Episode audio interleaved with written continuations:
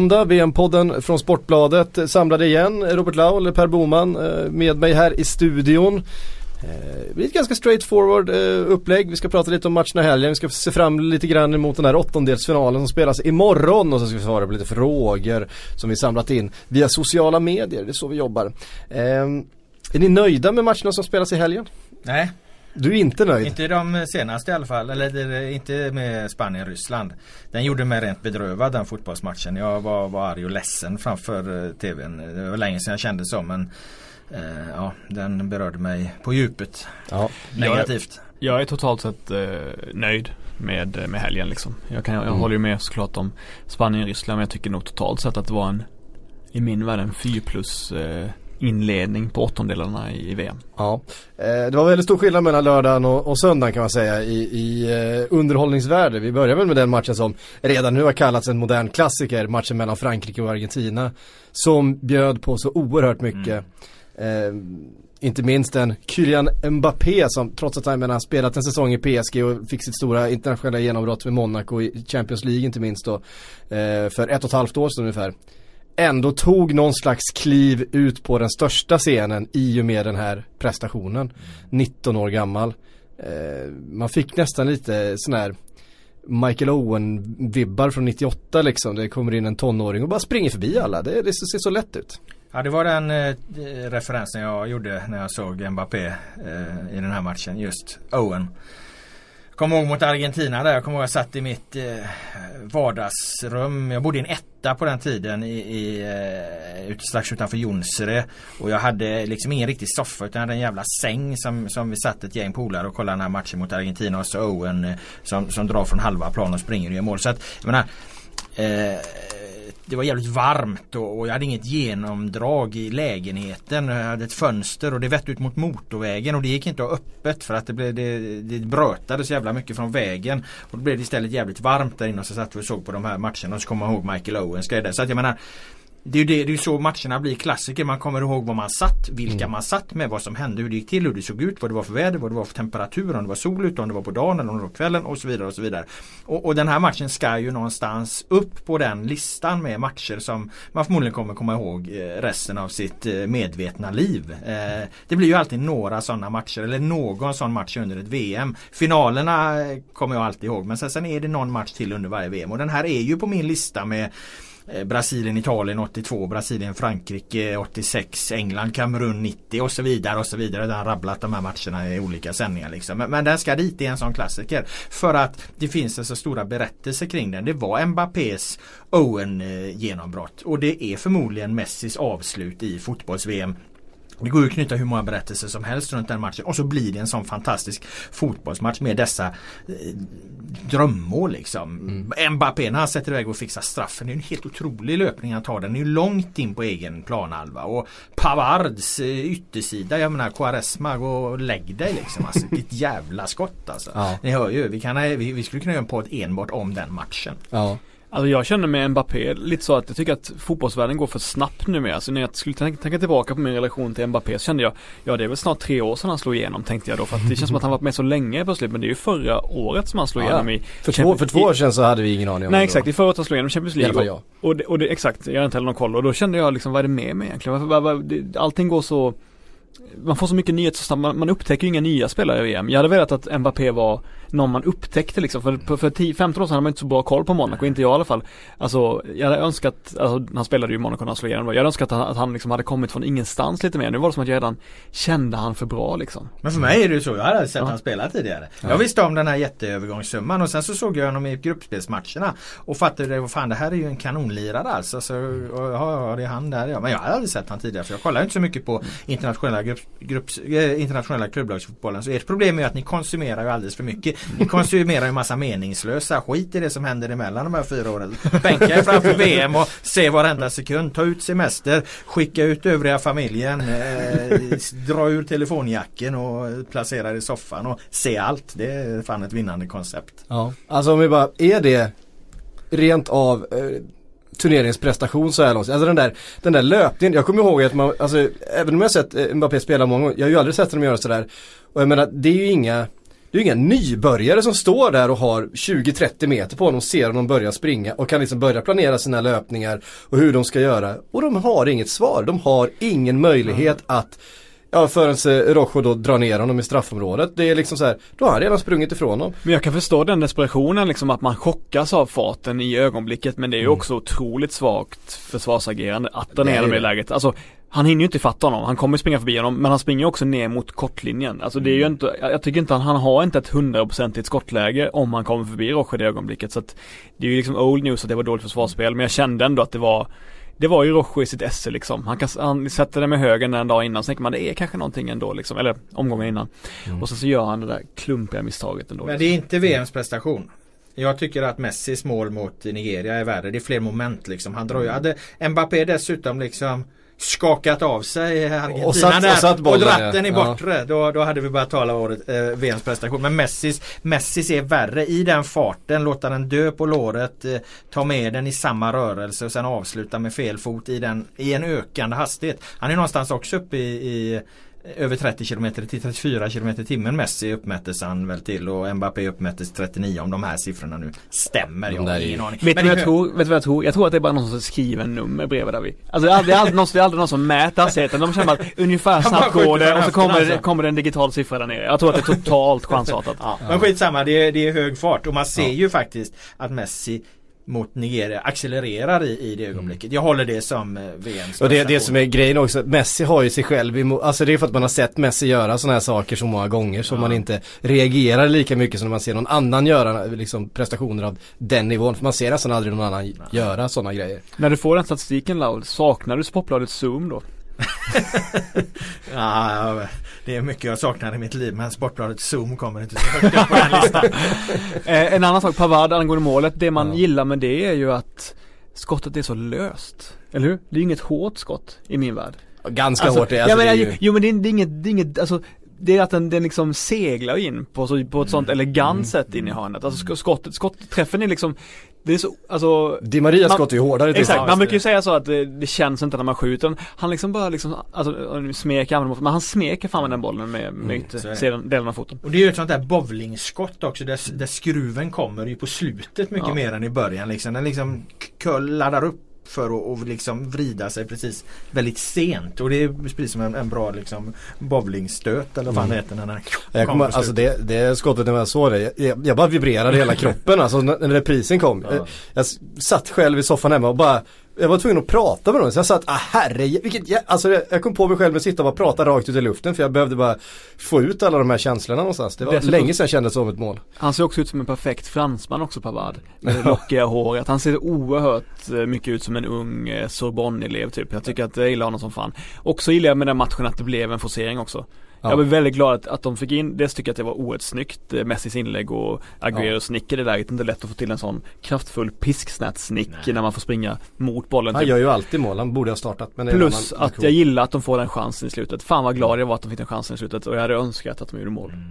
Nej men hade man jobbat på SVT eller TV4 nu och suttit liksom och, och vetat att okej okay, det är jag som ska göra VM-krönikan i, i här framåt äh, jul, nyår liksom. Då hade jag haft den uppgiften så hade jag eh, varit i extas för det här laget. Liksom att bygga eh, lite VM-krönika kring den här jävla matchen liksom med Mbappé och Messi som försvann och, och de här målen. Och, ja, allra mest fantastiskt är det ju ifall eh, Frankrike går och vinner eh, VM och, och Mbappé blir en riktig förgrundsfigur där. Mm. Ja och också, man får ju hylla Frankrike Det är den nya då. sagan. Exakt, man får ju hylla lite Frankrike då också. Jag var, inför matchen sa jag att jag sympatiserade med, med heltidshaveriet Argentina för att Frankrike kändes liksom så här, lite sömnigt, inte på gång, ja, man, man, fick inte se den här femmansväxel som man, jag hade tröttnat lite på Frankrike eh, så då hoppades jag att det här fiaskot Argentina bara skulle på något sätt chocka sig vidare. Men nu får man ju bara kapitulera inför Deschamps eh, def rätt defensiva taktik och snabba spelvändningar och Girouds mm. smartness och allting. Jag tycker att det var också, mycket fint. men, men, du har ingen körkort på man eller? Jag? Femmansväxel? Är det dåligt eller? Nej men mm. alla bilar har ju då en, har ju, är ju sexväxlare. Okej, ja, ja, ja, ja. Det var ta mig fan sexans växel. Man kan säga att det var, Frankrike tryckte. Det var, men du har inget körkort eller? Jag har ett körkort. Jaha, du har körkort. Men det var en slapp, det var en slapp, det var en slapp formulering överhuvudtaget. Femmansväxel. Den hör jag med på 80-talet. Jag backar i vilket fall. Jag tycker att eh, Kanté med den, eh, alltså vi har hyllat Kanté så många gånger som den fantastiskt defensiva och rörliga eh, mittfältaren. Han hade ju uppgiften här att ta hand om Messi under matchen. Han lyckades ju ganska bra med det ändå. Eh, det är inte världens lättaste uppgift men det är ju, någonstans är det ju det som öppnar upp för Di, Di Marias mål. Det blir helt tomt där. Eh, för att både Pogba och, och Kanté på något sätt måste, måste hålla rätt på Messi under hela tiden. Mm. De lyckas ju inte riktigt utnyttja det tycker jag, Argentina, att det uppstår ju faktiskt ett ganska stort hål där eh, på mitten under stora delar av matchen. Så man tycker att en Banega till exempel kunde gjort, gjort mer av. Eh. Men, men, men, redan där ser man ju en trend i de här åttondelsfinalerna. För att jag menar när Frankrike gör 1-0 så mm. slutar de ju spela och släpper mm. in Argentina i matchen och vaknar ju egentligen inte från Argentina och gjort 2-1. Det har vi sett i varenda jävla åttondelsfinal exakt samma sak nästan i alla fall. Mm. Eh, inte Danmark-Kroatien för där var det ju Danmark som gjorde 1-0 och så Kroatien kvitterade direkt. Men, men där går ju inte Kroatien heller för det. Spanien samma grej. Uruguay leder med 1-0 mot, eh, mot Portugal och, och, och, åker på en fast situation liksom och, och måste gå upp. Alltså, jag gillar inte det där riktigt att, eh, att man är så oerhört försiktiga och att det är få lag som, som har gått för det sen i de matcherna som har följt efter det. Mm. Um, vi kommer väl till det. Vi, eh, vi gör väl det för vi rör oss vidare då från eh, Frankrike-Argentina till Uruguay-Portugal som ju också bjöd på en hel del godis. Eh, inte minst det första målet förstås. Eh, Världens längsta vägg, väggspel är det ju. Ja, mm, precis. Det är ett väggspel liksom som sträcker sig 50 meter åt ena hållet och 50 åt det andra. Det är väl två stycken, det är två mot sex också. Ja, i ja, alltså det är ju, exakt. Jag vet inte, alltså jag Alltså alla gör ju det men jag älskar det anfallsparet ja. Över allt annat. Alltså det är ju faktumet att de är så oerhört bra offensivt. Att de är 5 plus offensivt och samtidigt åtminstone Cavani och ofta även Suarez lägger ner ett 5 plus jobb i defensiven. Mm. Det går inte att komma ifrån att det är så oerhört imponerande att de har kraft att göra både och liksom. Jag, men he hela, hela det här laget, jag menar vi pratar en nation på 3 miljoner invånare ungefär. Mm. Eh, och det här laget, sättet som de offrar sig för varandra, sättet som de aldrig tummar på arbetsinsatsen. Um, och att de, de, de är beredda att göra precis, precis vad som krävs. Allt som krävs, vad som helst. Om det så är att rädda bollar med handen, det har vi sett uh, i VM för åtta år sedan. Um, alltså precis vad som helst. Uh, Suarez kan man ju hata i en sån här match för att han, man tycker att han tar sig mot huvudet varenda gång han får en, en beröring på axeln. Och han, han, men jag menar, men det ingår han, han är ju där för att vinna fotbollsmatchen. Ja det ingår ju någonstans i konceptet att göra allt som krävs. Och ja. Jag menar Sverige höll på en hel del så mot, mot Mexiko. Så att eh, det här med att man nu gnäller på Suarez. Ja men då får man väl gnälla lika mycket på Sverige då. Mm. Annars är, är det ju gnället inget värt. Jag har två sågningar av Portugal då som jag tänkte mm. ta upp. Eh, dels är det ju William Cavallo, Cavallo då. Alltså jag vet mm. att det är många som har huggt på honom de sista åren. Han har ju varit då en supertal supertalang i Portugal. Sen var då 17 års ålder och mm. startat i, i deras högsta liga sen dess och alltid då ryktats gå för 400 miljoner till någon av Europas storklubbar och sen sista eh, två åren har varit lite tystare liksom. Jag tror att att det har varit en slags kartell eh, i, i Portugal som så här aktivt spelat honom väldigt länge. Alltså han har varit 3 plus alltid sedan han var 18 års ålder. Och de har fortsatt spela honom hela tiden för att de ska kunna sälja honom. Alltså jag, jag, jag, tänker att han aldrig har varit så jävla bra liksom. Jag tror att han är en av de största bluffarna i, i landslagshistorien. Han är så oerhört, alltså för att vara defensiv mittfältare så täcker han så jätte, han täcker så liten yta för att vara den som ska täcka all yta. Dels det och han är så försiktig i passningsspelet så att han är liksom Eh, han är ju fan folk, alltså han, han är ju folkskygg, han vågar ju inte, han vågar inte träffa andra medspelare liksom. Han är så jävla feg. Jag tror problemet med honom är att han var precis så här bra när han var 18 och då kände ja. man att shit 18, tänk när han har gjort det här 200 eh, gånger till och han har varit i den här situationen 200 gånger till att mm. eh, då kommer det här vara en, en, en eh, jävla världsspelare men, men så blir det ju inte för alla. Och jag tror att, jag menar, så här, ryktena som började någonstans i Real Madrid och sen vidare till mindre klubbar och mindre klubbar och så blir det ändå inget av oss. Jag menar förra året var det West Ham liksom ett krislag. Och, ah, de backade också alltså sådär så att det eh, Ja det har inte hänt för honom. Nej, och Uruguay har ju egentligen inga, inga problem att hantera Portugal. Eh, det, det, känns ju Hade jag eh, hållit på Uruguay och sett den här matchen hade jag känt mig ganska trygg. Men så har vi då de fasta situationerna. Och jag menar där eh, gör Godin ett felval. Det måste vara hans enda, ja, det är väl knappt hans, misstag. En, men, enda misstag 2018. Ja, hans enda misstag i sitt liv eh, skulle jag vilja dra till med. Men, men, men i grunden, han, han, går ju på Ronaldo liksom. Ja, och då är det, då är det nej, inget misstag precis, egentligen. Han, han, han, gör ju en snabb riskanalys, Ja, inser ja. att Ronaldo är före. Han vet till och med att Peppe säkert är bakom sig. Man känner att Nej, jag måste ändå jag försöka måste- liksom. ja, det är det- ju fan lojal, lojalitet, Ja. det är ju solidaritet mot laget. Nej precis, det är därför jag är lite tveksam att kalla, kalla det för ens ett misstag. Men, eh, men det är en fast situation och det, och det kan hända. Och det, Mm. Ju mer fasta situationer man får emot sig ju, ju, ju mer sådana situationer uppstår och, och då kan det bli en kvittering. Jag menar de hade ju kunnat hamna illa ut där egentligen och det är därför jag är lite fundersam till, till lagen som hittills har direkt dragit sig tillbaka Mm. vid, vid 1-0 på ett sätt som jag tycker sticker ut ändå. Eh, nu har ju de kvalitet i Uruguay att kliva upp och, och hänga dit det men det är ju liksom det är ju Cavanis briljans och nu är han lite halvskadad och så. Där bakom finns inte så jävla mycket. Alltså sett i startelvan så är Uruguay ett av de Ja, de är väl ett av de tre bästa liksom i det här VM. Men det är ju inte, det är inte startelvor som vinner fotbolls-VM. Utan det är någonstans är det ju trupper. Mm. Det, kommer komma, det kommer komma en tid då de tvingas bekänna färg liksom. För att deras trupp inte, inte är så bred. Vilket inlägg tycker du bäst om? Eh, Suarez mot Portugal eller Messi mot Frankrike? Alltså Messis eh, Till Agüero när han slår mål. den. Eh, Ja, vilket inlägg? Eh, Messi slog ju ett inlägg som Mm. Agüero nickade in och sen slår Suarez det här som eh, inte de väldigt, väldigt lika? Jo, de är det, men vilket, men vilket är från- härligast? Nej men eh, det är ju härligast såklart eh, eh, Su- Suarez där eftersom det för, föregås av den crossbollen Ja. liksom. Det blir hela den effekten av det så, så blir det härligare. Det som är så jävla synd med Cavanis och Suarez mål det är ju att han nickar ju fan inte bollen. Han tar den med Vad nyllet. fan tar han den med? Ansiktet tror jag det. Jag tror att det är hela lite- facet. Jag tror, jag tror han tar den platt på nyllet Ja. faktiskt. Jaha okej. Eh, Jag så- såg det som att det typ är axelbröst liksom någonstans där. där. Nej, jag, alltså, jag Det tittar på den klatschar någon gång. Jag tror- Men det kanske är ansiktet tror jag. Ja. Alltså, han tar det- inte med pannan, det Nej, inte. för att det, är- men det är ju så det ser ut. Ja. Och då är det ju perfekt. Ja. Då är det ju sexans växel. Alltså då, är det, ju- då går det ju inte att göra bättre. Nu, nu blir det ju lite slumpen som På samma det, sätt liksom. måste vi sänka Ola Toivonens mål från 5 plus till 3 Vadå för att den touchar? Ja, eh, ja, förstår jag. Han säger själv i intervjun efteråt, jag försöker lägga den bredvid Ja, det målvakten. säger han faktiskt. Ja men vad fan, den, då lo, han, alltså, i, den loopas ju över eh, Neuer. Alltså, jag, tycker, jag tycker att det förtar nästan Ja, det går från 5 till 4 för mig. För jag menar, jag tycker fortfarande att nedtagningen, att han, att han är först på den bollen i, i situationen och ändå, och ändå vinner den och det blir ett mål. Det, jag, jag, jag, kan sänka det till 4 men jag tycker fortfarande det är Jag går nog ner till två tror jag Nej, alltså, efter, efter det här. Så det, det, är ju, det är ju liksom ditt slumpmål nästan nu. Nej, det är inget. Men, men eh, Så sänks ingenting. vi sågade också, vi, vi, så, vi sågade också eh, Guerreiro i förra avsnittet, eh, Portugals vänsterback. Ja. Han hade ju ingen, han hade, han hade inte alls koll på, på att Cavani smög bakom, bakom honom där och det tycker jag var Det sa hade- mycket, hade ingen mycket om hans turnering. Nej men de tittar ju boll men det är en Ja. jävla löpning. Jag menar han är, ju, ja. han är ju nere på halva planhalvan när han skickar iväg den här crossbollen och så sätter han ju en jävla fart liksom. Ehm, nej. Ja. Nej, vi, vi kan konstatera det här. Nu blir det väldigt tveksamt då med Cavanis eh, skada och vi får se hur allvarlig den är. Vad är sagt om den? Eh, en vadskada. Det, det har lite kommunicerats någonting egentligen hur det ser ut. De ska väl göra eh, fler, fler undersökningar och sen känna på den och sen kommer de väl också mörka det ganska mycket inför, eh, inför kvartsfinalen. Ja alltså för att det, det som Alltså jag trodde ju först att han fått en smäll, han har fått ett knä eller något så han fått en liten kaka. Men det är det ju inte för att Nej. han, det är ju ett avstamp när han drar ifrån och det gör ju saken en liten mycket bristning. ja det gör ju saken mycket allvarligare. Mm.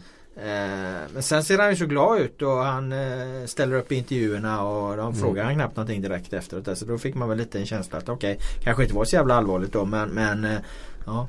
Det är ju ett enormt avbräck förstås.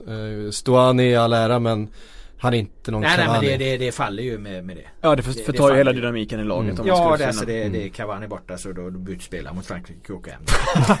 Det är- Fortfar- det är fortfarande ett lag som, som kommer vara oerhört svårt att göra mål ja, på. Fast, ja fast Ja. det att, om man inte behöver oroa sig lika mycket för Nej. de två samtidigt. Men jag tänkte på en annan grej som jag, som jag reagerade på i slutet av matchen. Det var ju Manuel Fernandes usla inhopp för Portugal. Så när han kom in med fem minuter kvar, som direkt gick in och tog två långskott, missade ett par Ja. inlägg, försökte sig på svåra finter när, massa, när Portugal hade tryckt upp massa folk i straffområdet. Alltså Ronaldo kollade på honom som att, som att han verkligen ville mörda. Det var fan, det var det sämsta inhoppet i VM än så länge. Ja. Men Eh, satan vad du har registrerat grejer om Portugal. De är ju för fan ute ju. Ja men då jag kände jag levde under den matchen. Jag tyckte det var en bra Ja, match. det var en bra match. Tycker det var en Ja, fin det- åttondel. Absolut, Ja. det, var, det, det var det. Det enda var ju att det hade varit det här eh, episka eh, innan där. Så Ja. att eh, man hade den färsk i minnet. Men jag håller med, det, den eh, lördagen där, det var ju en jättefin fotbollsdag. Mm. Eh, Och då kommer vi till söndagen som inte in, innehöll samma underhållningsvärde och ett Spanien-Ryssland som verkligen eh, på något sätt känslan som jag fick här är att här kom effekten av hela eh, förbundskaptenshärvan. Eh, Lopetegui som har fått det här Spanien att spela en fantastisk fotboll. Vi har sett träningsmatcher eh, inför, vi såg dem fullständigt rulla ut Tyskland. Nu kanske inte rulla ut Tyskland det är absolut eh, bäst, alltså ett så en eh, så vass prestation som vi trodde det var då. Eh, med facit i hand. Men det är uppenbart att det fanns va, va, idéfattigt. Ja. De visste inte var de skulle ta vägen. Nej, men om man bryter ner då det resonemanget. Vi har också tänkt en hel på det, del på det här. Alltså kan en avsaknaden av den ordinarie förbundskaptenen direkt överföras till problemen i den här prestationen? För jag, jag tycker också det är intressant att fundera på. Och då, då måste man ju ställa sig frågan hur ska det gå till? Är det då alltså, för vad som händer när Spanien får in ett turligt 1-0 efter 10 minuter. Det är ju liksom lite innan matchbilden har precis satt sig. Vi vet att Ryssland kommer backa hem och Spanien kommer få vara bollförande och så. Det kunde man ju räkna ut med röv och en krita innan men det, det, är så det blir. Så får de det här 1-0. Det som då händer det är ju att de eh, slutar ju att spela bollen framåt. De väljer ju aktivt i, i, i nästan varje läge det går att istället rulla den hemåt i sidled och runt. Och Även vid de tillfällena de då tappar bollen och, och Ryssland kommer upp och de har en möjlighet att slå om när Ryssland är lite oorganiserade. då väljer de att inte göra det. Utan de väljer nästan vänta på att Ryssland går och ställer sig i sina positioner.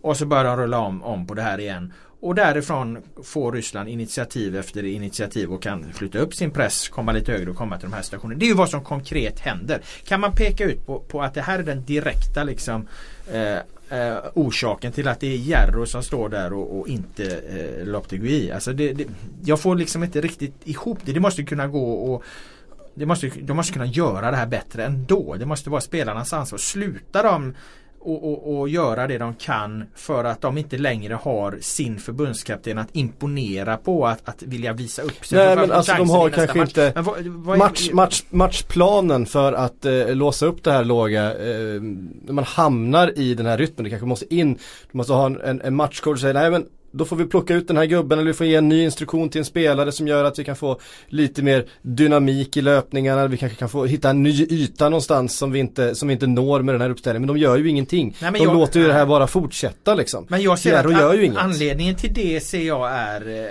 den är mental snarare än den är viljemässig. Den, den, är, den sitter i huvudet mer än, än i fötterna. Det är liksom det, det, är inte att de inte kan utan det är aktiva Nej. val som, som där min förklaring återigen hamnar någonstans det vi pratade om i Tyskland den här liksom nonchalansen, det här övermodet som inte går att skaka av sig på något sätt. Och då funderar jag lite på Kan det då vara så att de har inte kvar sin förbundskapten? De har inte den här personen som de liksom vill övertyga om att de ska få spela i nästa match och så här allihopa och några är ju naturligtvis helt givna men det finns ju alltid val. Men, men å andra sidan då har de en annan coach och, och, och försöka övertyga med sitt spel. Eh, ja, jag, jag tycker det ibland är svårt att få ihop. Det är så givet att man ska säga att det, det här beror på att förbundskaptenen försvann och man fick in en annan. Men hur går den hur går det konkret ihop? Jag tänker att de söker det perfekta anfallet hela tiden, att det är en sån grej. Alltså i min, i min värld så har Isko, när han har varit bra i det här mästerskapet, tycker jag att han har varit den, den bästa offensiva spelaren av alla. Liksom. Jag tycker att han är i små ytor när han gör sin grej så är han, tycker jag har varit överlägsen. Jag tycker han njutit varje gång Förutom lite, några tillfällen i andra halvlek mot Ryssland så tycker jag han njutit varje gång på den. Tycker han varit så jävla över, över, liksom, överlägsen alla andra. Problemet är att han har fått bollen hela tiden. Och jag är besviken på Andres Iniesta. Jag är svik, besviken på, Dan, eh, på David, David, David Silva. Jag är besviken på Asensio. Besviken på alla.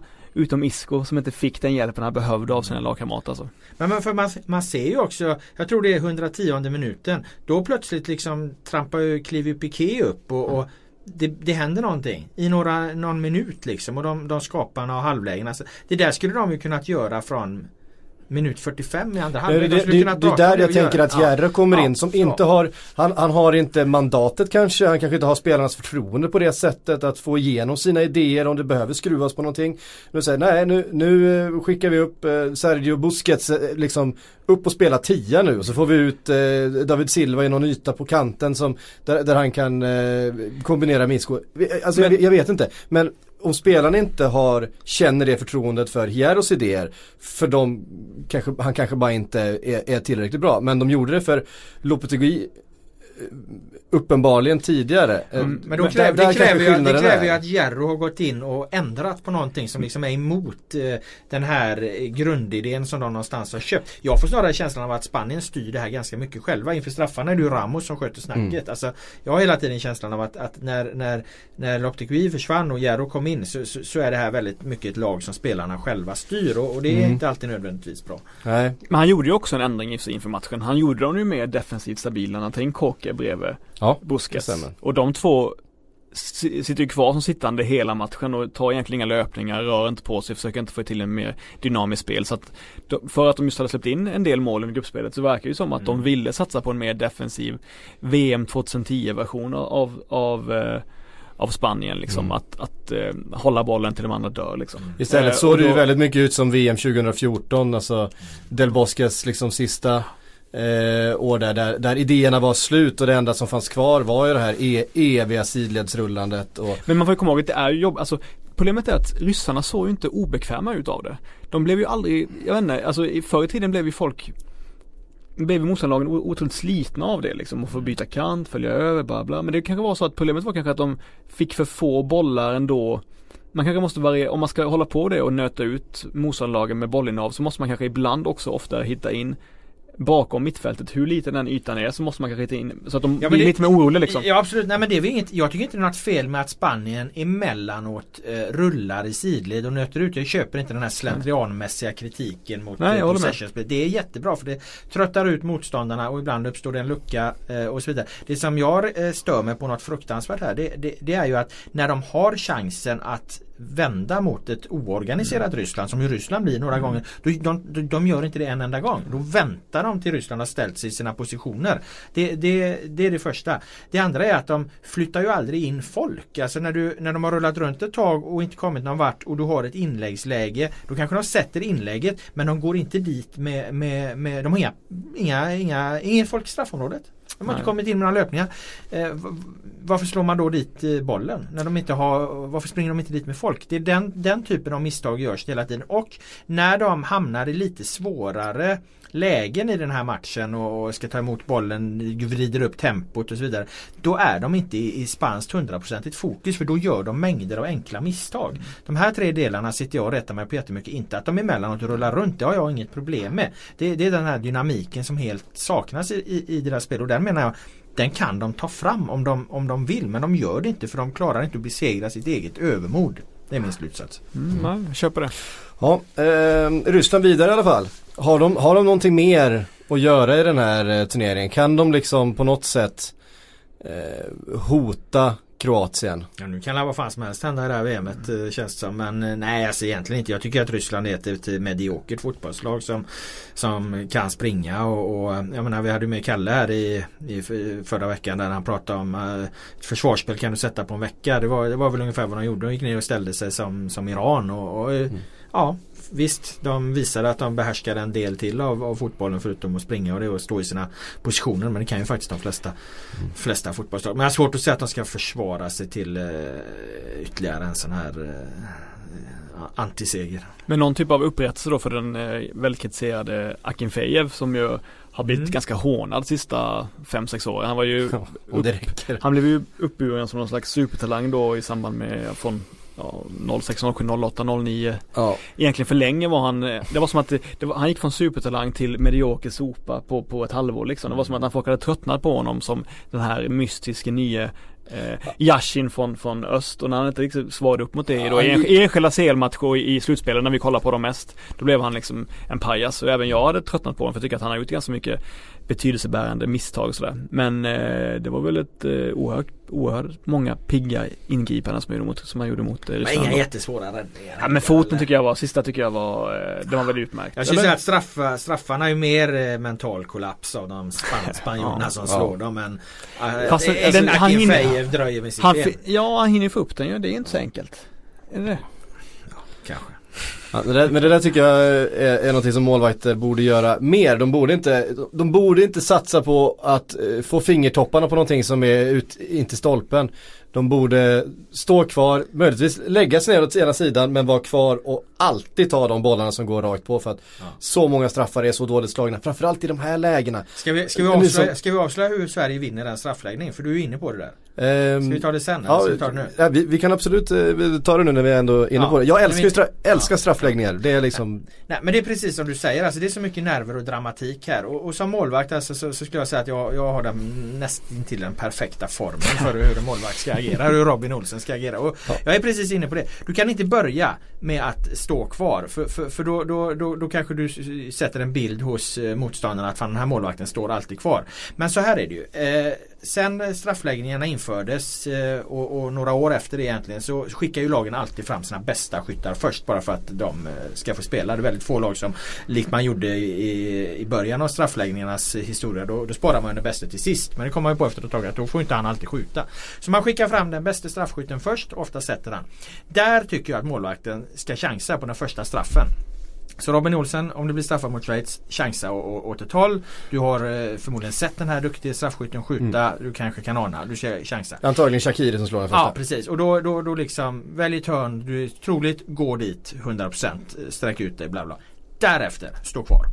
Stå kvar på alla straffar därefter. Försök av, vänta ut dem. Eh, chansa inte längre för att därefter då, då kommer inte eh, nästa straffskytt kommer inte ha en aning. Är det här en målvakt som står kvar eller är det en målvakt som slänger sig? Och, och den osäkerheten kommer leva kvar i 3, 4, 5 straffar till. Och därefter kommer skyttar som inte är lika mentalt starka och eh, anspänningen ökar. Så jag säger det, chansa på första, stå kvar på de fyra andra. Då kommer du, då kommer du garanterat rädda två straffar. Menar du staty står kvar? Alltså tydligt visa för alla, jag står kvar hela tiden. Eller fake står kvar. Sm- småläge sig åt sidan och sen vara kvar och, ha möjligheten att rädda Det kan, man det kan man variera lite, man kan röra sig där lite liksom men i grunden är, är, är att stå kvar för bollarna hamnar inte så jävla Nej. långt ut för, Nej. ut för dig och, och du hinner ta Alltså dem liksom. Modric var ett jättebra exempel igår. Han, han ser ut som han ser ut som han ska tappa både armar och ben när han går fram till den, eh, till den bollen vid straffpunkten och ska slå sin andra straff då för matchen. Han det är ju VMs mest Ja, ska vi inte, av, ska, ska vi inte avvakta med den? Ska vi gå in i matchen ska vi komma, ska vi Nej, komma, för vi, vi kan ta det. Alltså där, där, ja, men direkt så, den här, den, här, den här straffen går mitt i mål. Han har ju inte någonting annat i sig. Han har ju inte nå, någonting annat i sig än att försöka få den här på mål överhuvudtaget. det, det är det enda som går. Och han, om, om Schmeichel hade varit lite kallare där så, så räddade han den med Ja fötterna. men han kan ju stå kvar och trixa upp den. Ja. Det enda jag tänker här bara är så här att jag, alla har ju tänkt den här tanken. Stå kvar. Eh, stå kvar. Det har ju faktiskt många tänkt nu när man kollar på VM genom åren. Liksom. Stå kvar så räddar man. Jag tänker bara att de här människorna som ändå jobbar med det här och ändå har funderat på det här väldigt, väldigt många år. Och det finns ju speciali- straffspecialister liksom när kommer när Jens Lehmann kollar på lappen inför. Alltså du vet man övar väldigt mycket på det. Jag tänker bara, borde inte de ha liksom funderat på det? Ja, uppenbarligen Alltså tror jag det är väldigt, väldigt, väldigt skillnad mellan straffläggningar och straffar i matcher. Ja absolut. Eh, straffläggningar är en oerhört eh, mycket större anspänning eh, ofta. Du har, det är helt avgörande liksom. En, en straff i 30 minuten, ja. Det, det går alltid att rädda i efterhand. Jag menar, ska du slå en avgörande straff, du kanske inte en normal, alltså en Alltså det är, det är VM, det är de stora sammanhangen, det är allt det här. Det, det är någonting helt annat. Eh, och där, det är ju bara mentalt. Det, ja. Jag kommer ihåg Eh, Chil- Chilton för England. Han, han, han stod alltid kvar och gick efteråt. Så han var ju nästan alltid rätt. Men han nådde fan aldrig dit. Han var alltid liksom en halv meter. En halv meter. Och där tror jag också, för jag, alltså målvakterna läser ju in sig på straffskyttarna eh, väldigt, väldigt noggrant. Alltså de, de studerar videos, vart de har slagit sina senaste straffar. Eh, det fanns ett sånt Men det gäller ju inte i ett VM ofta. De Nej! pallar ju liksom alltså, alltså, grejen är att eh, spelarna som står där, de är så nervösa så att de orkar inte hålla sig till sina planer. Målvakterna är också förstås supernervösa och vill bli hjältar och du vet eh, jag Älskar det här, jag älskar de här dramatiska straff, straffläggningarna. Framförallt när det bara går åt skogen och ångesten bara svämmar över. Det är, det, det är när fotbollen ställs på sin spets alltså. Får man säga en sista grej om, bara, om matchen Ryssland-Spanien? Jag störde mig på citaten från den ryska förbundskaptenen efter matchen, eh, Han sa så här Eh, tack gode gud att, att eh, mina spelare förstod vad jag, vad jag ville att de skulle göra. De litade på mig. Jag pratade med alla spelare individuellt och jag berättade för dem vad de skulle göra och de litade på mig för att de kunde följa min strategi. Man bara, fan sluta. Vilken jävla, ja, alltså. vilken, alltså, så, alltså så jävla raffinerat tycker inte jag att Ryssland spelar den här matchen. Så, att det, man inte så just nu är den här även min hatfigur, nummer ett i, i, i VM. Att inte kunna bara hylla spelarnas liksom, alltså man får ju hylla deras, att de, att de kan vara koncentrerade hela tiden liksom, att de orkar följa efter, följa med, att de, Men de är är disciplin- disciplinerade De liksom. välorganiserade. Men taktiken i sig var ju inget mästerverk så att nu, han är ju, han är ju persona non grata framöver. Alltså det är ju en eh, till 95% en, eh, ett spanskt haveri.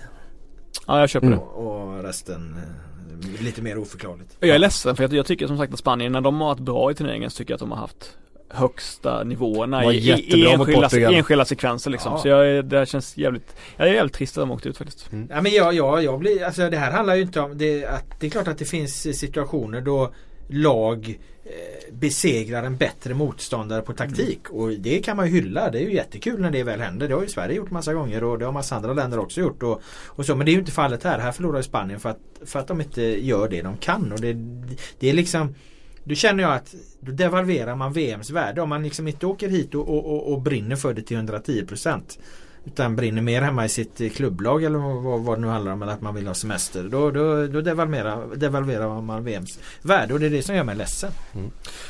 Vidare då till Kroatien-Danmark som vi bjöd på lite mer underhållning i alla fall än eh, Spanien-Ryssland. Ja, första Men- fyra minuterna i alla fall. Första fyra minuterna Första man- halvlek ska vi väl säga, var bra. Ja. Eh, byttes om lite grann också om att ha initiativet i den här matchen. Eh, Det blir två snabba mål, det går inte så mycket att säga om tiden däremellan och sådär. Det är två extremt slumpartade mål också. Det är ju riktiga skitmål. Eh, måste säga någonting om de här inkasten bara. Ja, Eh, var, blir... Han är ju så tunn också. Vad Han ser inte ut som han ska- På, på vänsterbacken. Han är så, han, alltså Rasmus Elm var tunn men han hade ju så här långa, jättelånga armar alltså som, som, som, Mm. som sträckte sig till skyn. Man kunde se att han kastade långt. Knutsen ser inte, det finns ingenting i hans utseende som tyder på en långkastare. Nej. Ingenting i hans fysiologi. Och Elm kastade ändå inte riktigt så här långt heller. Alltså, han är ju han är ju bort, han är på bortre stolpen med de här, eh, med de här inkasten. Det är ett jävla Men vapen. kan han ha någon typ av svensk mamma eller pappa eller släkting? För vi som spelar den typen av fotboll behöver ju Knu, Knutsens inkast helt enkelt. Så han hade vi, han hade vi ju behövt värva Ja, tidigare. vi hade haft nytta av honom i det här landslaget så är Mm. det. Vi har ingen riktig långkastare. Lustig som brukar ta eh, en del och försöka hysta in dem eh, efter förmåga men eh, ingen sån där. Man, man, man drar sig ju till minnes eh, Stokes gamle Rory Delap som nästan kunde sätta dem här med överskruv sådär ner mot bortre stolpen. De var, Han hade ju också en handduk eh, insydd under sin tröja för att han då, för att han fick skit för att det fanns ju, de hade handdukar bredvid planen. För, förut så, precis de la och ut då ville han, då ville han, och då fick de inte ha det för att det ansågs så osportsligt eller någonting. Så att han, då, då sydde de in en handduk eh, liksom på underdelen av tröjan så att han hela tiden kunde torka bollen så att han fick bra Men grepp. de bästa inkasten det är ju de, de långkasten som inte är en eh, liksom upp och så dalar den neråt utan det är ju de som har den här liksom raka, Mm. Ja, låga eh, banan, hårda banan hela Ja. vägen. De är ju extremt imponerande de kasten. Alltså. Eh, Men det blev ju ett, ett oerhört vapen för Danmark eh, med de här inkasten. Och, Ja men det var- blir det ju. Ja. Island gick ju för fan till kvartsfinal i, i EM 16 på grund av sina inkast. På många sätt. Jag vill säga att en spelare som jag verkligen tyckte, om- tyckte om, tycker om jättemycket i det här mästerskapet det är han, eh, ska jag säga, Ante Rebic. Alltså eh, ja. Jag stör mig på honom, för inled- inledningsvis stör jag mig på honom för att jag tänker att han spelat lite så här, hoppat runt Fiorentina och Frankfurt liksom sådär halvdan spelare som man känner bara är utfyllnad i Kroatien. Trodde jag då. Men jag tycker att han är så oerhört härligt rivig. Jag tycker att han gör det mesta av varje situation. Han är rätt ful, han filmar lite, han kastar sig in i, i, i varje bolltouch liksom. Och så gör han ofta smarta grejer när han får bollen också. Jag tycker att Ante Rebic är en av liksom riktigt utropstecken. Alltså. Det är en bra spaning för att han eh, Jag gick ju ner i den ryska Instat-gruvan, alltså det statistikverktyget li- lite grann här nu inför den här podden och han hade Han hade höga siffror. Är det så? Han hade höga siffror efter sin insats mot Danmark. Han, gjorde en sån Mm. fin Cruyff-vändning också när han fick bollen på kanten och gick in i straffområdet eh, i första halvlek eh, som var 5 plus men det är tyvärr ingen som kunde. Mandzukic var seg. Men jag blev förbannad på eh, Kroatien. Jag tycker att det var en fin första halvlek. Den gav mig till, tron tillbaka på, på fotbollen och livet igen. Vilket var skönt efter det här då spanska haveriet. För att här var det, det var liksom lite Det var även lite passion i det. Det var lite tröjdragningar, det var lite protester och det var lite Lite liksom hetta så. Vilket det var också inte heller var någonting i den här Ryssland-Spanien matchen. Eh, så att det var fint att se. Men sen så i andra halvlek ställning 1-1 Kroatien det bättre laget. Då drar man de ju tillbaka Modric. Han har ju någon form av 10 position i första halvlek och i andra halvlek har han en tydlig, vad heter den då? Fyra, är man nummer fyra liksom man ligger där bakom. Som, han behärskar ju båda två, inget snack om det. Men, men, men det är ju så himla tydligt att där börjar de liksom snålspela fastän de har en högre individuell skicklighet och, och och eh, ja, men en bra möjlighet att eh, avgöra den här matchen istället för att låta den gå till en oviss straffläggning. Det, det blir jag irriterad på. Vad fan, gå för det. Samtidigt känner jag att han överglänste Eriksen, Modric. Jag tycker ändå att han, även när han var dålig i matchen så ville han hela tiden vara involverad liksom. Ja, nej, men jag säger inte att han var dålig. Nej, Jag säger bara att exakt. han fick en ny position. Absolut, Alltså de gör ju en absolut. taktisk förändring som jag bedömer det. Där Modric är tia i första Ja. halvlek och, och han är Absolut. fyra i andra. Men jag tycker bara, han hoppar in, sen i förlängningen kom han ju längre upp igen Ja, liksom. jo, det gjorde han ju. Och jag, Ja. jag tycker bara att han är liksom Den passningen är ju fantastisk Ja, till dels eh, det. straffen. Och det är Rebic som eh, löper Ja, i djupet där va? exakt. Som blir Och ner, Det är ju rött kort för, alltså om inte, alltså jag men det är ju inte det enligt Ja men vad fan försöker nå bollen. Jag, alltså jag, jag tycker att det, där är det ju fel. Han, ska, han kommer skjuta in bollen upp ett mål. Det är mål om inte han blir nedsparkad. Självklart ska det vara rött kort. Mm. Eller? Ja, alltså, eh, bedömning, bedömningen handlar ju då om man tycker att backen har försökt att eh, tackla på bollen men Ja. misslyckats. Ja, jag. Jo men det ska ju inte, jag tycker inte, jag tycker, jag tycker inte det ska över liksom, överbrygga Ja, det är, jag är nog på din... målchansen liksom. För att, Nej jag håller eh, med för att i, i det läget så, så finns det ju ingen anledning för honom att Det måste man nästan väga in. Det finns Ja. ingen anledning för försvararna att eh, försöka nå bollen utan han måste ju bara till varje pris stoppa den här spelaren eftersom det just är öppet Ja. mål. Ja. Det, det, det handlar ju inte om något annat än, än att, och, Jag menar hade han haft en eh, en sabel med sig på plan så hade han ju använt den istället. Liksom. Alltså det är ju bara att stoppa för det är ju öppet mål. Han ska ju bara rulla in den. Ja men det var någon som ställde frågan angående då Suarez hands från eh, VM 2010. Skulle Mm. det också bara ge ett gult kort då? Nej det hade ju gett ett rött kort förstås även Ja. här. För att Ja. eh, det är uppenbart spelförstörande. Jag tycker att den här situationen är lika spelförstörande för han försöker ju inte nå bollen. Han försöker ju Ja. bara få stopp på anfallet. Oavsett om man skapa- söker nå bollen inte tycker Nej. att det ska vara rött kort liksom. Ja. Ja nej men alltså jag kan sympatisera med regel för det är en regeländring Mm. där som Ja. har gjort. Den I funkar, grunden ja. och den funkar väl bra men jag Mm. håller med nog med om att just i det här läget så, så, så till, här till, den tillämpas ju bokstavstroget här. Ja. Eh, Annars det- tycker jag att den här domaren är väldigt bra. Ja, spetsnaz. Han ser ut som en spetsnazsoldat Ja. tycker jag från, eh, från eh, ryska Han, han är underrättelsetjänsten. argentinare och dömer ju normalt sett argentinska ligan. så Ja, jag ja. tänker att han, han eh, det krävs lite, lite pondus där tror jag för att man ska hantera de här eh, stora eh, derbyna i, Även i Buenos eh, Aires. och så vidare. holländaren tycker jag var jäkligt bra eh, mellan Eh, Spanien och Kuipers. eh, Kuipers. Han ser ju, han, han tar inte skiten alltså. Nej. Inte någon gång tar han skit. Nej. Kanske, kanske för mycket att han har noll eh, Ja, jag dialog då. är Men, jag, Förtjust i Kuipers. Det, men eh, Ja, där, här för, sista grejen om det, men han förtjän, där förtjänar de dubbel bestraffning. Jag håller Mm. Ja. med om att dubbel bestraffning kan vara onödigt ibland när man fäller någon fem meter in på, Ja, eh, på, nej, på, på, på här. offside planhalva Inte liksom. Eh, jag måste säga att jag, jag, jag, jag mådde jag levde mig mycket mer in i den här straffledningen än någon gång när Sverige har spelat under mästerskapet. Det kändes mycket mer i, i min kropp Mm. under den här straffledningen än när Sverige spelade. För Modric eller Nej, för allting, det bara Danmark, gav mig eller? mer, det gav mig mycket mer. Ja. Det, jag, det kändes mer VM liksom. Ja men blir du glad då när Kroatien vann? Jätteglad, jätteglad. Ja. Gillar du Danmark alltså? Eller för, du Jag tycker, jag, jag, värda tycker jag gillar upplagan Danmark men jag har bestämt mig inför matchen att jag vill ha Kroatien vidare. Jag vill inte ska vara för, jag, jag gillar inte det här att det är en svagare, svagare slutspelshalva. Jag tycker det är fel. Jag blir arg när folk håller på att lista de här Ja. blåbärsländerna som kan vinna VM. Så ska det inte vara liksom. Jag vill ha minst tre stycken storlag kvar Mm. i kvartsfinal. Alltså jag vill inte, det känns bara fel här. Nej det blir lite, det blir, jag håller faktiskt med om det nu när jag tänkt på det. blir lite pa pajas över det ifall det är för jävla rötna lag på, på, på den halvan. Men nu är ju Kroatien där så att Mm. Det var väl bra då. Sen det här med att hålla på Danmark det, det var ju det vad gjorde vi på 80-talet när det inte Mm. fanns eh, så mycket annat. Nu vill man inte hålla på Danmark längre. Det är inte nej det behöver, det behöver man verkligen inte göra. Eh, jag ska bara säga en sak om den här eh, dubbelbestraffningen också. Den här blir framförallt så blir den ju effektiv när målvakter försöker sträcka sig efter bollen, misslyckas och tar, och tar Ja, spelaren. Absolut. Där har det blivit många röda kort som har gjort då att målvakter kanske inte vågar vågar gå på bollen utan de släpper hellre spelaren istället för att man får duellen då va. Eh, för att bestraffningen har blivit för det blir, kostar för mycket helt Ja, enkelt. och det är ju där- bra. där- där- Det är bra. Och, och Det där är tror bra jag att, att Ja. det är därför som den regeln i första hand har ändrats. Men håller ni med mig om att eh, för, kan ni sympatisera med min ilska mot att Kroatien inte går för det? Ni, eller, Jag tycker att de, ja, Blir- jag, alltså blir jag lite irriterade på Nej, sånt, jag tycker, att, alltså? jag tycker att de går De är lite för det. bättre. Ja men i förlängningen går de för det jag. Ja, i fem minuter ja. I och för sig du skapar dem. Ja exakt. Nej men jag, jag hör vad du säger men samtidigt man ska inte underskatta I och för sig Harede gör ju en förändring där när han tar ut förmodligen skadade Chris, Kristensen Han var väl skadad eh, på defensiv mittfält Han kan ju inte, kan ju inte ta ut honom Nej, som nej, taktiskt nej, nej. Och så tar de in eh, Eller den här med Ja. Lasse Schöne som är mer filigare. Så att han försökte ju ändå Mm. och det var ju jag tänkte säga det att det är svårt att bryta ner Danmark för de har så bra försvarsspel men Men eh, gå för det, gå för Ja de vill väl inte blotta sig Mm. Hur hade, hur hade du vetat att Sverige skulle göra? Ja men Sverige har inte den eh, enorma individuella skickligheten som. Kroatien. Det är ju Sen- det, det, är ju hela den, det är ju det som är min poäng. Alltså, Ja. Om du inte har möjlighet att gå för det.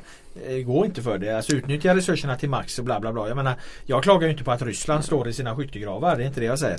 Eh, Och, och, däremot tycker jag att Kroatien har så mycket kvalitet som man måste kunna alltså, du, du har ju ett val där. Antingen så här, okej nu spelar vi snålt och så kanske det blir straffar. Jag tycker att Kroatiens chans hade varit större Ja. att gå för det än att vinna på straffar. Nu vann de ändå på Ja, men straffar. poäng. Men, men det, var, det var ett risktagande som, som jag inte riktigt gillar och, och, och, och, som gör att de, de känns fega. Gillade Pionosistos inhopp också. Ja, men han är ju lurig. Han är ju faktiskt en perfekt inhopp. Ja, alltså det, man märker också att, att Kroatien måste förhålla sig Ja, till det bytet. Eh, och det gör också att de inte riktigt kanske vågar de vågar inte ge den ytan i det läget för, eh, för han är väldigt bra på att utnyttja eh, den ytan helt enkelt som, som han ju går efter hela tiden när han väl får bollen och är ju nära vid något tillfälle att skruva in den i bortre stolpen. Eh, så det. det. Det, är ett byte som, som Kroatien faktiskt tvingas förhålla sig till och det, och det bromsar också upp deras, deras forcering lite grann på slutet. Även han Jakobsen, Leipzig, Leipzig Jakobsen tycker jag visar upp så här Dinko Felic kvaliteter när han tre, fyra gånger i andra halvlek tog emot bollen väldigt snyggt på bröstet i svåra lägen. Mm. Det vill jag bara få in, få, få med till protokollet. Du, får, du fick, ville få med Dinko Felic. Ja man gillar honom. Även, jag tror även Laud har starka känslor för Dinko Det var ett Felic. tag sedan jag tänkte på Dinko Felix. Men jag hör vad du säger. Ja. Um, Kroatien vidare i alla fall. Jag måste bara, vad, vad, var det, vad var det Schmeichel såg som ingen annan såg vid straffsituationen där? Eller försökte han bara liksom få gripa efter ett halmstrå? Han var ju galen på Jag att det tror blev att det straff. bara var bygga osäkerhetskänsla hos motståndarlagen. var det? För han var ju Och- galen och han vi- visar på vad, nej du måste titta på den, du måste, jag lovar att inte straffa. Alltså, han, menar att, alltså, han, menar att han, han menar ju att eh, Kramaric var det va? Att han, eh, att han eh, stoppar upp i steget. När han egentligen bara gör lite slow motion. Eh, Oklart vad han menade. men det han var han det var var ju så. fullständigt uppriven. Alla kunde ju se att det var en solklar straff. Ja men han men, Han var ju en Jaha, meter ja ifrån. förlåt, ja ja ja, vi pratar pratar om olika saker. Ja. Ja ja. Men vid straffsituationen. Ja. Ja han tycker, väl, han tycker väl att han når bollen då, eh, Sanka Jörgensen. Att han når bollen helt enkelt. Ja, ja, men väl- han är ju närmast, han sitter, han sitter ju en och en halv meter ifrån Jag och tittar på. ja, men jag tror bara att han är ett svin som alla målvakter. Alltså att de tar alla, alla chanser. Alltså det är ju ofta det största svinet som vinner målvaktskampen eh, på straffarna. Nu var ju Kasper var väl lite värre än eh, Subasic å andra sidan. Men han var kanske också lite eh, ja, de var väl lika bra i straffläggningen. Å andra sidan Joe Hart var ju ett supersvin i EM 2012 när han var När han skulle hålla på med Pirlo och han chippade in den. Så nej jag tar Mm. tillbaka den spaningen. Det är inte det största svinet som vinner. Ehm, vi måste titta lite framåt. Uh, jag behöver inte säga så mycket om uh, kvartsfinal som ska spelas idag. För de har väl eh, ungefär hunnit spelas när ni lyssnar på det här. Men imorgon så smäller det ju. Sverige mot Schweiz. En eh, fruktansvärt svår Alltså svåranalyserad match på förhand. Eh, jag tyckte att vi visste mot Tyskland. Vi visste eh, ungefär vad som skulle hända. Tyskland skulle ha mycket boll. Det gäller att ligga rätt och vinna dueller i, i straffområdet. Vi visste, visste mot Mexiko att det gäller att inte ge dem några ytor och försöka kanske ställa om tillbaks. Jag har ingen aning om hur den här matchbilden eh, kommer se ut. Nej, jag ska berätta det för dig då. Ja. Jag har gått igenom, eh, som sagt jag har djupdykt i den eh, Instat som ju är ett ryskt eh, statistikanalysverktyg eh, som mäter det mesta som händer på en fotbollsplan. Och, eh, så även under det här VMet då. Eh, nej men alltså Schweiz ligger ganska högt upp i bollinnehavsligan. Eh, av de, alltså de absolut högsta där är ju utslagna. Det är ju Tyskland, Spanien, Argentina. De som har haft mest boll i sina matcher. Men de, de, de är utslagna. Men, men sen kommer liksom eh, Brasilien och, och England, Belgien och, och Schweiz. England, Belgien har ju haft så enkla motstånd som är lite svårvärderade ur, Mm. ur det där bollinnehavsperspektivet. Men, men Schweiz har ju haft ganska tufft motstånd i matcherna i gruppen. Och de har ändå ett högt bollinnehav. Sverige, det är alltså bara fyra lag som har haft mindre boll än Sverige. Det är Sydkorea, Panama, Island och Iran. Eh, och som sagt, jag behöver inte säga någonting om hur det ska gå. Däremot tror jag att det kommer säga en hel del om matchbilden. Jag är helt säker på att det här kommer bli en match som Schweiz för och Sverige följer efter. Det som är lite negativt med det, det är att Schweiz sticker egentligen bara ut på ett område. De är jämnbra på det mesta, ganska högt upp på det mesta. Men de sticker ut på en grej och det är att de har gjort mycket De har gjort många mål i öppet spel. Och, och de, har gjort, de har gjort sina mål efter att de har haft bollen ganska länge. De har i snitt eh, i snitt inför sina mål så har de bollen i 21 sekunder innan det och det är högt. Eh, De är alltså ett lag som till skillnad från Spanien tar sig till chanser och tar sig till mål när de har haft bollen länge. Eh, så att eh, det är ju deras styrka någonstans. Skulle jag säga. Och så har- jag, jag, jag tror att vi, vi kom, de är trygga i det här och det här de vill åt och så vidare. Så att matchbilden den kan jag nog fan eh, rista i cement. Alltså det, det blir ett, ett Schweiz som för och ett Sverige som följer efter. Och de har ett jättefint distansskytte ju. Ja. I både Shakiri och Xhaka. Ehm, skjuter jättefint från, från 25 meter och det är ju ett effektivt vapen mot ett lågt stående lag. Ja. Om man har svårt att spela sig in så, så får man ju ytor att, att skjuta på och det, det kan de ju göra båda två med väldigt stor framgång. Det, det är ett kraftfullt lag man har sett också som Mm. inte Sverige riktigt har, har stött på i det här VMet än. Alltså, de, eh, Eller kan- de kan ju lätt mäta sig med oss vad gäller, vad gäller kraftfulla spelare, så är det ju. Ja. Ja, och de har högre tacklingsstatistik för det mäter ju Instat också om man nu ska gå ner på sådana detaljer än, än, än vad Sverige har. De vinner fler liksom dueller eh, kropp mot kropp så att säga. Så att eh, eh, Nej men det kommer nog bli ett Schweiz som manglar på och, och ett Ja. Sverige som, som får, får stå emot. För jag Mm. menar det kommer bli tufft med, jag vet inte för vi har sagt, sagt, sagt tidigare men det är ju Xhaka, eh, eh, Berami och Gemaili när han faller ner, när, när, när de Mm. inte är anfall mot Ekdal och Larsson. Så där måste, nej inte fan, Larsson är borta, Ekdal Ja. och ja, Mr Gustav, X. Gustav Svensson. Förmodligen Svensson men då måste ju Claesson hjälpa till och komma in ännu mer som de har gjort tidigare också. Även Foppa Mm. liksom. Jag är, o, jag är osäker på om de klarar av det. Ja, jag tror de går på Gustav Svensson. Eh, Vi har pratat om startelvan där just på, på, för, för att han har fysiken snarare än att man får Hiljemarks löpkapacitet. Det blir mer- ett inhopp i så fall Mm. för, för Hiljemark. Bara en gissning. Ja, eh, det är väl vad vi, vad vi tror. Ja. Det är, Men sen, sen det man också kan säga om Schweiz när man tittar på dem rent statistiskt eller tittar på deras matcher. Det är ju att de eh, de har gjort fem mål, fyra mål i öppet spel. De, mål, de har gjort mål på rätt många olika sätt. De har gjort mål på en fast situation, de har gjort, gjort mål på en ren eh, kontring, de har gjort mål på eh, ett lä- längre anfall som jag nämnde och, och, och de har sitt distansskytte. Så det här är ju liksom ett lag som, som är jobbigt på det sättet att det är inte Mexiko där vi ska se upp med deras eh, kontringar utan, eh, och snabbhet utan här är det ett jävla lag som, som vi måste se upp med allting på en och samma gång. Mm. Och som dessutom kommer dundra framåt med det. Ja. För att eh, balanserna i lagen är så att Sverige Sverige för inga matcher, inte på den här nivån. Eh, dessutom en, en uh, jätteduktig målvakt. Frågetecknen finns ju i deras försvar där de har två stycken spelare avstängda. Och det blir en nykomponerad backlinje för Schweiz del och det är ju det stora frågetecknet för deras del. Eh, och frågan är hur Sverige kan utnyttja det.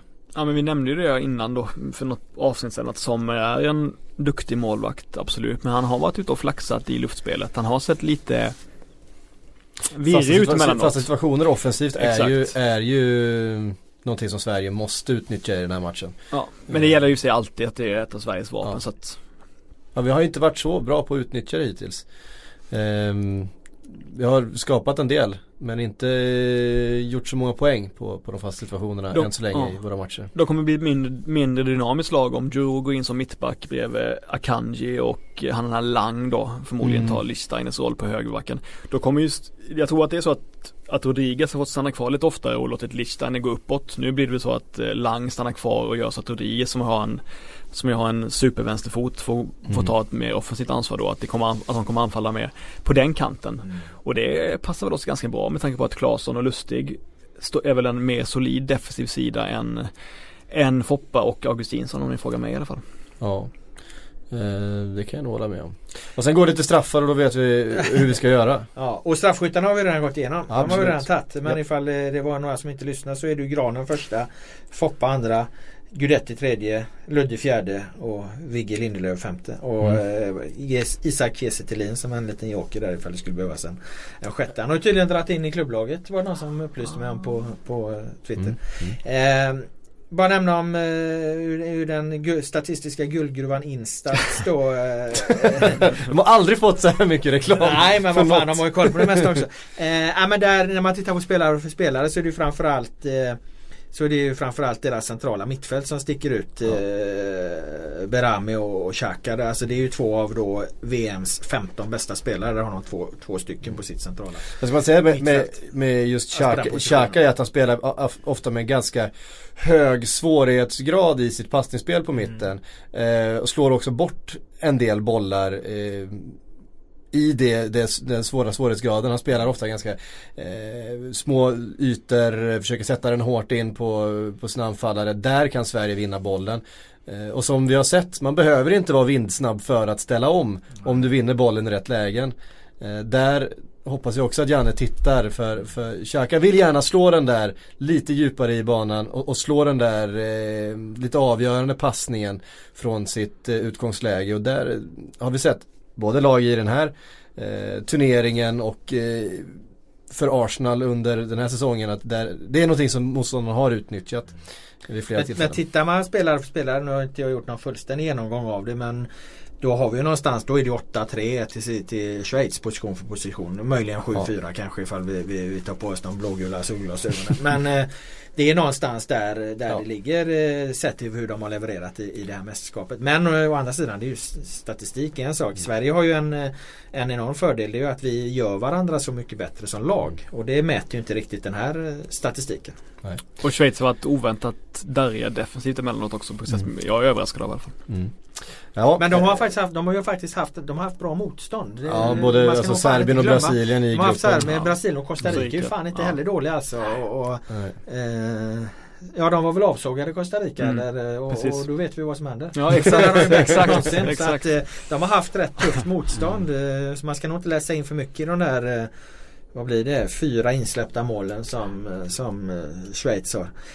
Alltså Schweiz, jag, jag skulle säga så här, ju mer man ju mer man lär sig om, om dem, ju mer man tittar på dem, ju mer rädd blir man för dem. Det är klart, det är ju 60-40 ja, Schweiz fördel. Ja, vilket är bra för oss ja, att det är. Ja, ja, det är klart att det är en fördel. Det är 60-40, 70-30 men, men det, vårt lag gillar ju att slå underläge så att eh, Exakt, det är en fördel att de har en fördel inför matchen, så kan man säga. Det gäller bara att vi piskar in det i nationen och i Jannes manskap. Mm. Som ju förmodligen lyssnar på detta. det utgår vi ifrån. Vi har fått en massa frågor. Jag eh, tänkte vi kan eh, försöka beta av dem före vi knyter ihop här då. Eh, Kevin Bader, hej på dig, eh, skriver Är ni förvånade på hur favorittippade, Eng hur favorittippade England är enligt spelmarknaden? Cirka fyra gånger pengarna på att Colombia ska ta sig vidare från sin eh, åttondel som spelar då, spelas då efter Sveriges eh, imorgon. Ja, jag är förvånad över det. Jag har ju tippat eh, Colombia i den matchen mest för att jag tycker att England skolkade från det enda testet de har fått i gruppen. Och för att jag ja, gillar Colombia lite mer. Eh, men jag skulle säga att det är 50-50 den matchen. Mm. Eh, ja alltså England tycker jag är svårbedömda. De, de, de har ju varit i den här gruppen där det har varit sån oerhörd nivåskillnad. Mm. Och så hade vi matchen mot Belgien där de inte kom med, bästa spelarna. De vilade spelare och, och, och, så. Men jag är inte särskilt imponerad av Colombia. Så den, den var ju en jävla gåta den där gruppen att Senegal till slut gick, gick vidare. Och tur. Ja, Senegal ur ja. Att Senegal inte gick vidare. Ja, det är en jävla gåta att Senegal ja, inte gick vidare och att eh, Japan gjorde det. Ja, och, och, äh, nej men jag håller helt med. Det, det är 50-50. Jag tror att jag, jag, om det nu var vad fan gällde frågan nu, betting. ja, nej, nej, nej, nej. Oddsbolag. Ja de är väl från England och de där bolagen? ja precis. Va, ja, men helt enkelt varför de är så favorittippade i England. Om vi har någon bra förklaring till det. Ja nej men de, nej, det, de tittar väl kanske på för mycket på resultaten och, och mindre vilka matcher resultaten har kommit i och vad som egentligen har hänt i de här matcherna. Jag skulle mm. ändå säga att det är ganska öppet. Mm. Eh, MMN87 skriver, är inte Mexiko en mardrömsmotståndare för Brasilien? jag, jag, tror att de är insvepta i förlorarmentalitet just nu Mexiko. Jag, jag eh, jag tror att den tog hårdare än vad, än än vad, man, än vad man tror den matchen mot Sverige liksom. Där man, visst, de, de, de, de, det är som en skenavrättning i princip, eh, Mexiko. De klarade sig den gången, men det, det kommer fortfarande leva kvar i deras, i deras minnen för evigt och, och liksom eh, så skräck på något plan. Ja, alltså jag har ju lite, jag har, ju mycket investerat i den matchen så att eh, det hade egentligen inte spelat någon roll vilka Brasilien mött så, så hade jag varit orolig för det. Eh, men Brasilien är ju mycket stabilare bakåt än vad, äh, än vad Tyskland var. Det är ju den mm. matchen som Mexiko har spelat bra. Dessutom har jag hela tiden varit inne på att Mexiko är något av en bluff. Och det, det visade, det avslöjade ju Sverige. Så att, äh, ja. Ja. Ja, jag vet fan. Jag är hur som helst. Det är några timmar kvar här nu. Jag är, är livrädd Ja. oavsett. Ja, jag, jag förväntar mig också någonstans att eh, Brasilien gör lite grann som Frankrike nu. De, de, eh, de kliver ur lite den här bekvämligheten som ändå är att man bara ska ta sig vidare. Det är liksom slentrian med gruppspel och att det liksom blir på allvar nu. Ja, det låter bra. Eh, Jag tar det. Eh, sådär, men det finns, det finns ju så mycket spelare i det här laget som är, som är så bra så att det, det, jag kan inte se att de inte skulle spela bättre än vad de har gjort Det är hittills. vackra ord. Eh, Oskar Månsson, honom känner vi ju. Eh, han har ställt en fråga specifikt till dig tror jag Robert. eh, han undrar varför var tyskarna så glada att det regnade under VM-finalen 1954? Finns två tydliga skäl till det. Alltså grejen var att jag skrev på Twitter att eh, att jag bjuder, eh, om de ställer en fråga som vi inte kan så ska vi bjuda på en dagskonsumtion glass. Klarar du den här frågan Boman? Vet du varför, eh, varför tyskarna var, var nöjda med att det hade regnat så mycket inför VM-finalen?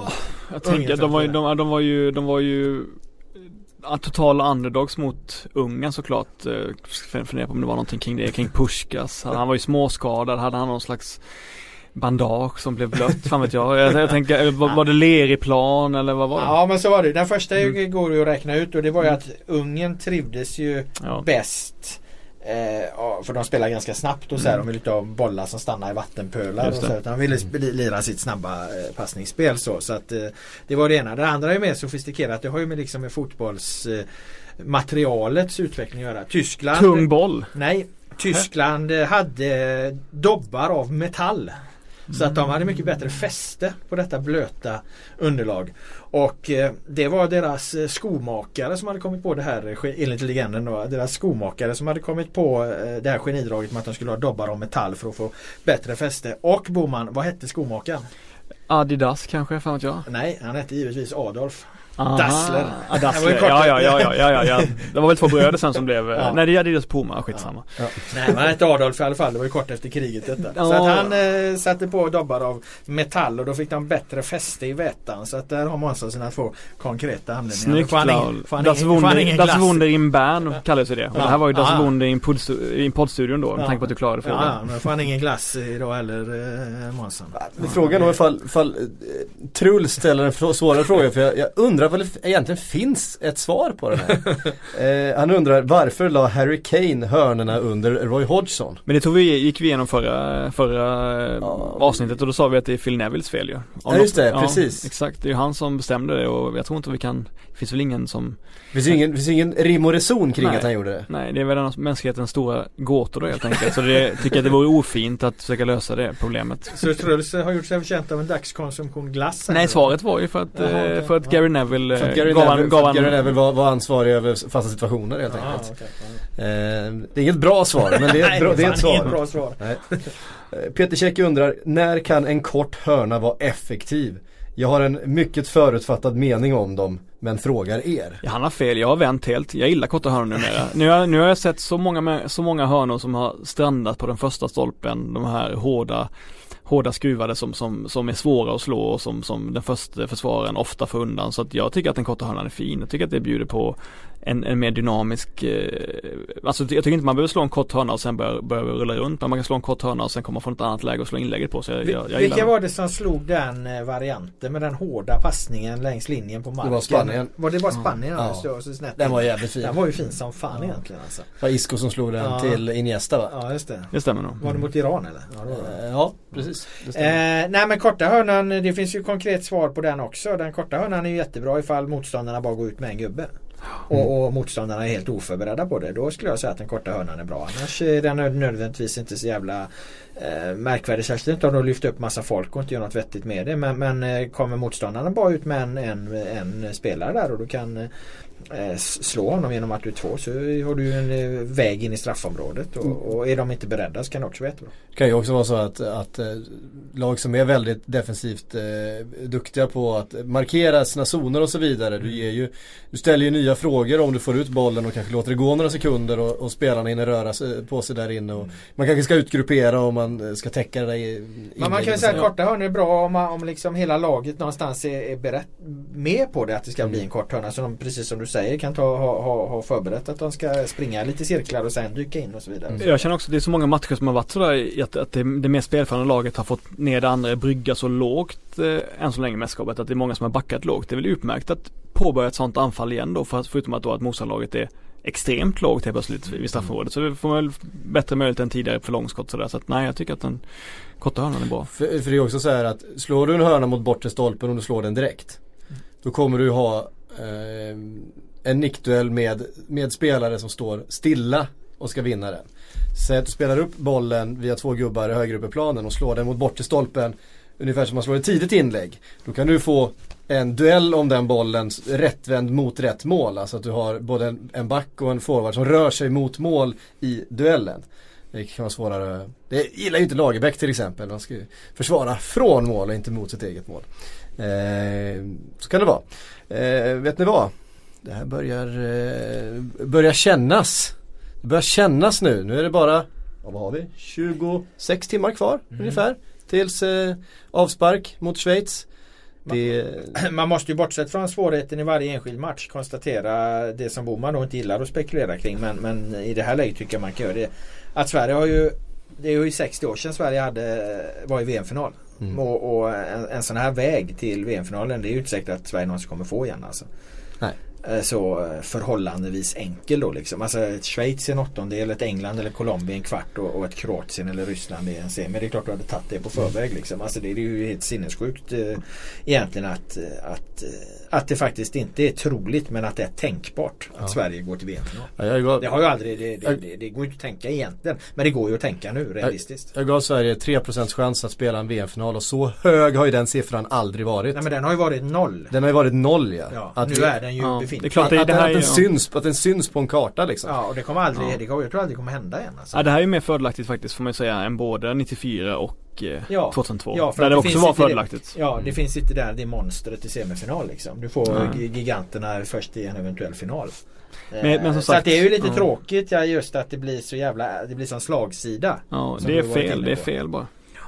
Men det är oundvikligt också tror jag att det faktiskt någon gång blir så. Mm. Det, är- det är jävligt svårt att Jag menar om några, om några favoriter ryker och de råkar befinna sig på samma sida utav trädet.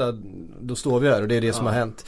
ja. Eh, samtidigt finns, finns bra lag kvar på den här sidan också. Jag tror, alltså vi vet att Kroatien har ett helt annan, en helt annan nivå i sig än vad de Ja, alltså, Men är det inte lite tjusningen också Boman då? Fan nu kan det komma ett helt oväntat Jo det är kul, alltså jag, jag har inget alltså. emot underdogs men jag vill att de ska gå igenom en svår väg för att komma till Ja. Att kolla mm. på Grekland 2004, de tog ju en skitsvår väg till finalen. Ja, ja, det var imponerande. Men för Sverige är det ju fortfarande en jävla svår väg även om den är Ja, möjlig liksom ja. sett till Sveriges kapacitet. På vår liksom. sida. Alla vägar Ja, är ju svåra ja, Vad fan vi ska liksom. klara av då Schweiz som är jättebra. Vi ska Ja. klara av England eller Colombia kanske ännu lite Absolut. bättre. Och vi ska i så fall Kroatien. klara av Kroatien som är riktigt bra. Ja, så- Det är klart att det är ju ingen med, Schweiz, äh, med Sveriges, ur Sveriges perspektiv så, så, så, så är det ju ingen enkel väg liksom. Vi det är bara är ju också- är möjlig. Vi är ju det tredje sämsta laget i den här halvan också.